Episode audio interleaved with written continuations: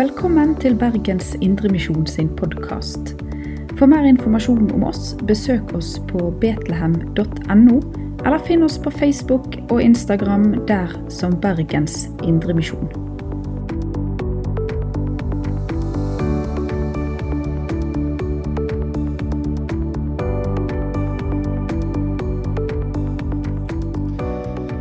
I dag så har jeg lyst at vi skal ta fram litt om det som har med, med bønn å gjøre. Eh, for noen, litt tid tilbake tidligere i vår så ble jeg utfordra på, på, et tema jeg, jeg var og, og, og, talte på. og Der fikk jeg temaet 'Hvorfor skal vi be?' Hvorfor skal vi be? Og det er jo gjerne et tema som er litt sånn uh, Hallo, er det liksom noe å bruke tid på? Er ikke det ganske sånn opplagt? Uh, men jeg syns det var veldig kjekt og veldig spennende å, å, å, jobbe med det. Og jeg har lyst til å dele litt, uh, litt tanker rundt det. men jeg har lyst til at vi skal, vi skal be litt, litt, litt først. Kjære Jesus, jeg har lyst til å takke deg for at du er her. Takk for sang, takk for åpning, takk for alt det som du har møtt dere med. Og så har jeg lyst til å be om at du må hjelpe meg til å legge fram det som jeg tror at du ønsker vi skal ta fram i dag, og be om at det må falle i god jord. Be om at de som sitter her, må sitte med åpne hjertet og ta imot, sånn at det kan bli til gagn og inspirasjon for vårt kristent liv, for ditt rikes arbeid og for evangeliets framgang. Så ber vi for Betlehem, be for alle som går her. Be for lederne, be for de som er på søndagsskole nå. Be om at du må velsigne arbeidet, og vi ber om at arbeidet må lykkes. Amen. Jeg tenkte først at vi skulle bare ta fram noen litt sånn enkle og, og kjente bibelvers eh, som, som, går litt på dette med bønn. Eh, I Matteus eh, kapittel 7 og vers 7 der står det Be, så skal dere få. Be, så skal dere få. I Apostlenes gjerninger kapittel 2 og vers 42 der er det òg et ganske kjent vers som eh, jeg husker bl.a. at jeg lærte når jeg ble konfirmert, og lærte om de fire b-ene. Der står det de holdt urokkelig fast ved apostlenes lære og ved samfunnet, ved brødsbrytelsen og ved bønnene. Og Så kan vi ta med ett vers til. Det er jo veldig mange vers som vi egentlig kunne lest, men vi skal ta med ett til, og det står i Filipperbrevet, kapittel 4 og vers 6, som også er veldig kjent. Vær ikke bekymret for noe, men la i alle ting deres bønneemner komme fram for Gud i påkallelse og bønn med takk. Både disse versene og alt det som står i Bibelen om bønn, det viser at Bibelens samlede oppfordring til oss som kristne mennesker, det er at vi skal be. Vi skal be holdt på si, personlig, privat hjemme. Det skal ha en sentral del når kristne samles.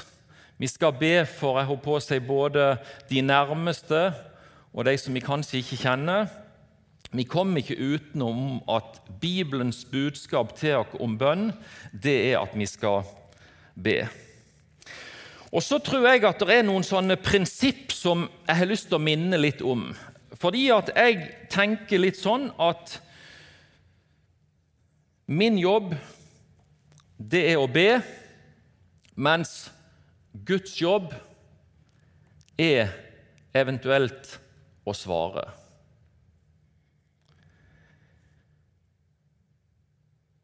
Selv om jeg har bedt for masse syke opp igjennom, både i familie og andre, om at de skulle bli friske, så må jeg innrømme at de aller fleste har ikke blitt friske. Men jeg fortsetter å be for det. Vi opplever død tett på oss.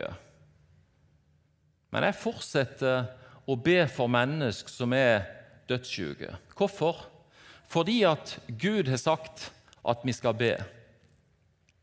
Om mine eller dine barn velger en annen retning for livet enn det som du skulle ønske,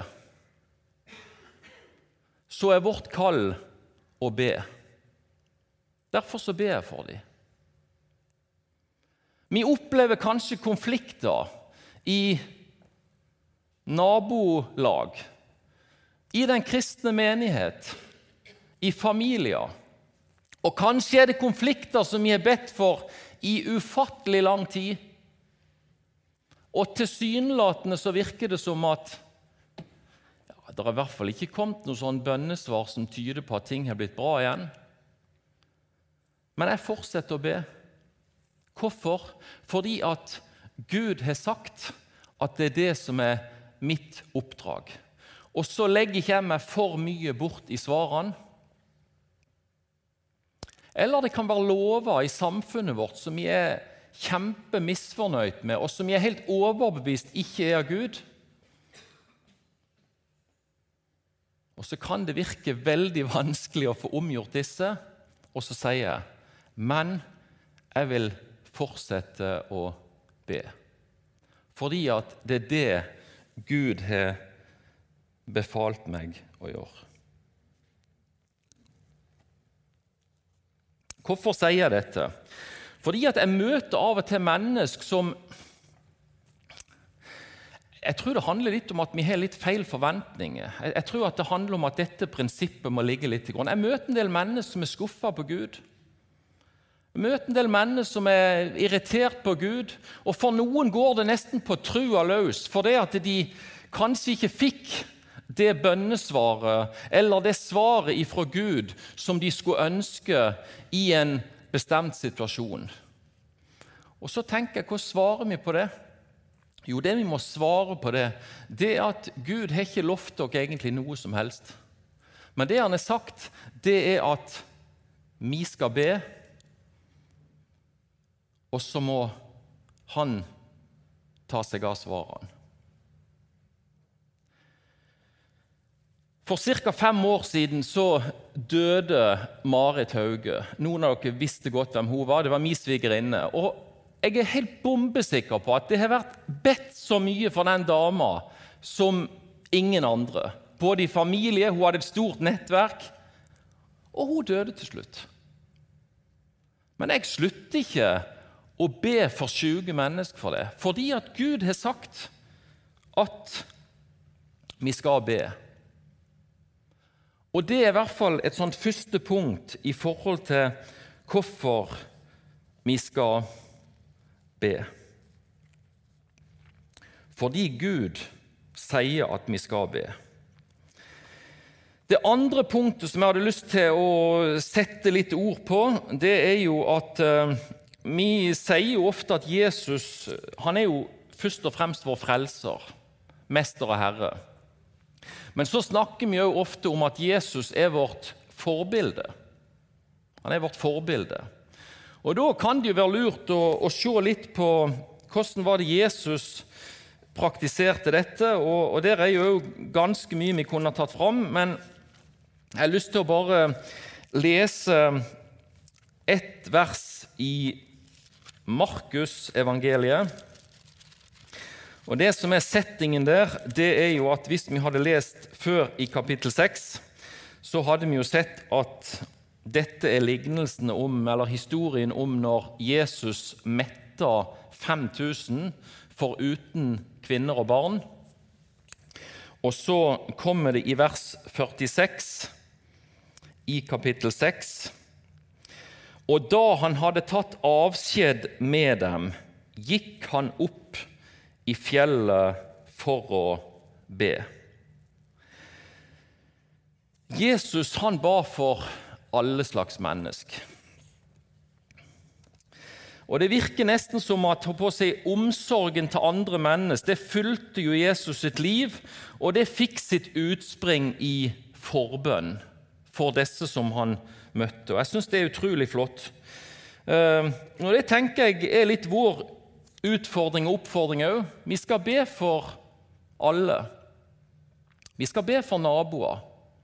Vi skal be for kristne søstre og brødre. Vi skal be for det ukrainske folk. Vi skal til og med be for det russiske folk. Vi skal til og med be for Putin. Hvorfor? Fordi at Jesus viser oss i alt sitt liv og virke at han ba for alle mennesker, òg de som var håper å si, kraftig imot han. Og så syns jeg dette bibelverset òg er veldig fint, fordi at eh, vi skylder jo ofte på det at vi har det ganske travelt. Ikke sant? Det er hektiske hverdager, kanskje småbarnsforeldre. Det er jobber å følge opp, det er overtid. Det er masse ting hele tida. Og Det tror jeg er helt rett, det kjenner jeg sjøl på òg. Og så tenker jeg at Jesus hadde det jo sikkert vanvittig travelt. Og han kunne sikkert òg komme med noen sånne unnskyldninger eller forklaring om hvorfor han ikke kunne ta seg tid til det. Men allikevel så ser vi at han drar seg vekk. Legger til rette i hverdagen for at han skal kunne be til sin far. Og En av de tingene som jeg syns er litt sånn stilig eller litt sånn artig, det er jo det at vi ser jo faktisk at når Jesus sto foran ganske store og tøffe avgjørelser, så kan vi se at det er akkurat som at han bruker enda mer tid enn det han gjør ellers. F.eks. når han plukka ut disse tolv, så ser vi og leser om at han var ei hel natt i bønn. Og Det er jo litt sånn interessant å ta med seg. Så er det selvfølgelig det at det å bruke tid i bønn det er en måte å ta vare på relasjonen til Gud på. Vi trenger påfyll, vi trenger fellesskap, vi trenger relasjon med Gud for å bli styrka i trua, for å leve i Guds plan. I går var jeg i konfirmasjon, og dette er jo ei tid for eh, konfirmasjon, i hvert fall her på Vestlandet. På Sørlandet er det litt sånn på høsten. Og er det noe som er viktig for en konfirmant som ønsker å tilhøre Jesus, så er det jo nettopp dette. ikke sant? Å få næring til trua si. Blant annet ved å bruke tid i bønn, i Bibel, i det kristne fellesskap osv. Og så tror jeg faktisk ikke at det bare er viktig for en konfirmant. Men jeg tror at det er viktig for dere som er 30, dere som er 40, vi som er 50, og dere som er enda mer eldre. Fordi at vi trenger å holde relasjonen til Gud ved like. Vi trenger å få påfyll, vi trenger inspirasjon ifra Han som vi tror på. Et punkt som jeg tror mange tenker når vi snakker om dette med bønn, hvorfor skal vi be, det er jo dette at vi skal be fordi vi ønsker å se mer av Gud. Jeg kjenner at jeg ønsker å se enda mer av Gud i familien min. Jeg ønsker å se enda mer av Jesus i eh, kommunen min, i byen min, i landet mitt. Ja, i hele verden. Og ut ifra sånn som jeg har lært om Jesus, så er det derfor viktig at vi ber. Og Det må vi være ærlige på. Når vi ber, så ber vi fordi at vi ønsker å se en endring. Vi ønsker å se en endring. Derfor så ber vi for syke. Derfor så ber vi om vekkelse. Derfor så ber vi om at han må lege sår. Derfor så ber vi om at han må gripe inn i konflikter. Det er fordi at vi ønsker å se en endring. Og vi vet det gjennom et liv at mange ganger så har bønn vært med og kanskje gjort en endring. Men andre ganger så har det kanskje ikke det, i hvert fall ikke sånn som vi har sett. På begynnelsen av 1900-tallet så var det en veldig stor vekkelse i Wales. Og I løpet av et par år så snakkes det om at kanskje opp mot 150 000 mennesker ga seg over til Gud. Og De som på en måte har skrevet litt om dette, her, de peker bl.a. på at i forkant av at dette brøt ut, så var det organisert et vanvittig stort bønnearbeid. Og For meg er det veldig vanskelig å tenke seg at det ikke har en sammenheng. Og Samtidig så er det andre plasser der de sikkert har bedt enda mye mer. Og det har foreløpig kanskje ikke skjedd en døyt. Eller som han kristne pakistaneren som jeg leste om for flere, sikkert 20 år siden i et blad. Som gjorde et mektig inntrykk. Og det er nesten i dag sånn at jeg tenker Er det sant? Er det sant? For Der la seg om en kristen pakistaner som var dømt til døden. Han skulle dø i den elektriske stol. Og denne dagen dette skulle skje, så fikk de ikke den elektriske stolen til å virke. Og Det endte til slutt med at de sendte han hjem, eller de, de, de, de ga han fri. Og Han reiste hjem til den landsbyen der han kom ifra, og gikk til det huset der han visste at sine kristne var samla. Fant ikke en sjel. Han lette litt rundt, og til slutt så endte han opp litt utenfor byen. Og der møtte han forsamlinga, de kristne brødre og søstre, i bønn for denne mannen. Og jeg er jo helt overbevist om at det var en sammenheng. Men så er det viktig for oss at ikke vi gjør Gud til en sånn colaautomat der det handler om å stappe på så og så mye bønn, og så kommer det ut resultat. For jeg kan i samme stund si at vi ba kjempemye for Marit. Men hun ble ikke frisk. Jeg hadde en kamerat i min ungdomstid som het Jan Ove. Vi var fem kamerater som var ganske tette. Og Han fikk svulst i hodet da i begynnelsen av 20-årene. Han ble først frisk, og så fikk han det tilbake. Ble bedt fryktelig mye for han. Men han døde. Og Det kan godt være at det ble bedt minst like mye for den situasjonen som andre situasjoner der det skjer ting. Og Det er derfor poenget mitt er å si at vår plikt, det er å be. Og så får de resultatene som kommer, være en slags bonus, et tegn på velsignelse. Men jeg kjenner at vi skal vokte dere litt for måten vi snakker om disse tingene. For det er mange som kjenner på vanskeligheter rundt dette fordi at de føler jo at de har bedt mye for en sak. Og så ble det kanskje ikke akkurat som de hadde tenkt. Og en episode med han Jan Ove har jeg lyst til å nevne, fordi at han hva skal jeg si, ble ganske sånn desperat på slutten. Han oppsøkte bl.a. noen menigheter som var ganske sånn langt ifra vårt ståsted i forhold til dette, fordi at han ønsket å leve videre. Hvem ønsker ikke det? Og Der var det noen kristne ledere som profeterte over han og sa det at de hadde fått ifra Gud at han kom til å bli frisk. Og så døde han. Og Hva tror du det gjorde med foreldre, med familie rundt han i etterkant? Jo, de mista jo selvfølgelig tillit til kristne ledere. Og for noen av dem så gikk det nesten litt på forholdet til Gud.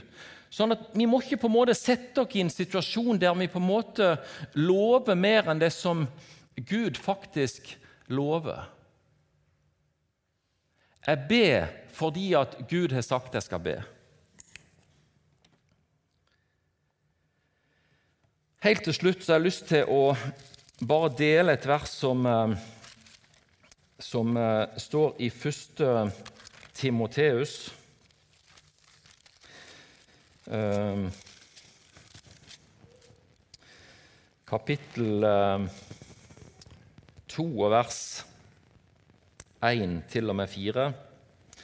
Det var et vers som stoppa meg her i, i fjor høst. Jeg var på ei samling, og der står det Framfor alle ting formaner jeg derfor til at det blir gjort bønner, påkallelser, forbønner og takk for alle mennesker. For konger og for alle som er i høy stilling, så vi kan leve et stille og rolig liv i all gudsfrykt og ærbarhet. Dette er godt og til behag for Gud, vår frelser, Han som vil at alle mennesker skal bli frelst og komme til sannhetserkjennelse. Vi driver med fryktelig mye viktig arbeid. Barnearbeid, ungdomsarbeid, forkynnelse, gudstjenester.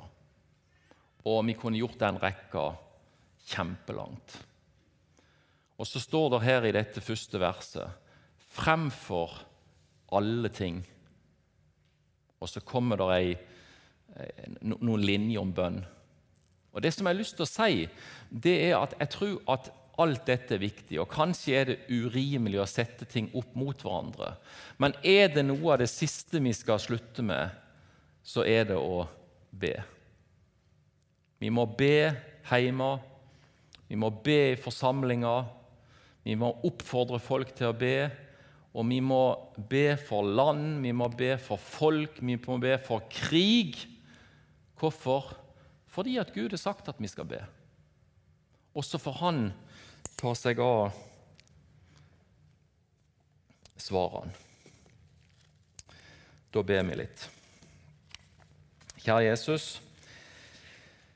Jeg har lyst til å takke deg for ditt ord. Takk for alt det gode som du har velsigna oss med gjennom det. Og så eh, har jeg lyst til å takke deg for bønneretten. Takk for at vi kan komme til deg eh, uansett om det er smått eller stort, uansett om det er på morgenen, på kvelden eller på natta. Uansett om vi har det godt eller om vi har det vanskelig. Kjære Jesus, hjelp oss til å gå til deg når det er noe, og kjære Jesus, hjelp oss til å lære av det som du har å gi oss i ditt ord om det med å be. Og kjære Jesus, uansett om eh, vi opplever det sånn eller sånn, så jeg har lyst til å be om at du må hjelpe oss til å være utholdende i bønn. Du må hjelpe oss til å prioritere bønn. Og så har jeg også lyst til å be om at du må hjelpe oss til til å ha et sånn rett forhold til det, i forhold til at Eh, vår jobb er å be. Din jobb er å svare. Og så er det et område kjære Jesus, som vi har fryktelig mange spørsmål til. Det er vanskelig. Det er noen som har bedt hele livet, og det virker som ikke de får svar. Det er noen som ber i to dager, og det virker som at de får svar. Men vi ønsker bare å fortsette å be for ting, og så ber vi om at du må gi oss de svar. Du må føre oss inn i de tingene som du ser er best for oss. Men kjære Jesus, jeg ber om at du må gjøre oss utholdende, og be om at du må alltid hjelpe oss til å prioritere bønn. Så jeg har lyst til å be for krigen i Ukraina som er så fryktelig og så forferdelig at det er nesten vanskelig å sette ord på det. Vi ber for de som lider, vi ber for de som har det vanskelig, vi ber for de som er sultne, vi ber for de som er skada. Og du ser òg disse russiske soldatene. Vi ber om at du må komme nær til dem, du må møte dem. Og vi ber òg om at du må gripe inn i Putin sitt liv, i ledelsen i Kreml, sånn at de kan møte deg og få ting i et perspektiv som gjør at ting kan bli avslutta. Amen. Du har lytta til Bergens Indremisjon sin podkast. For mer informasjon om oss, besøk oss på betlehem.no eller finn oss på Facebook og Instagram der som Bergens Indremisjon.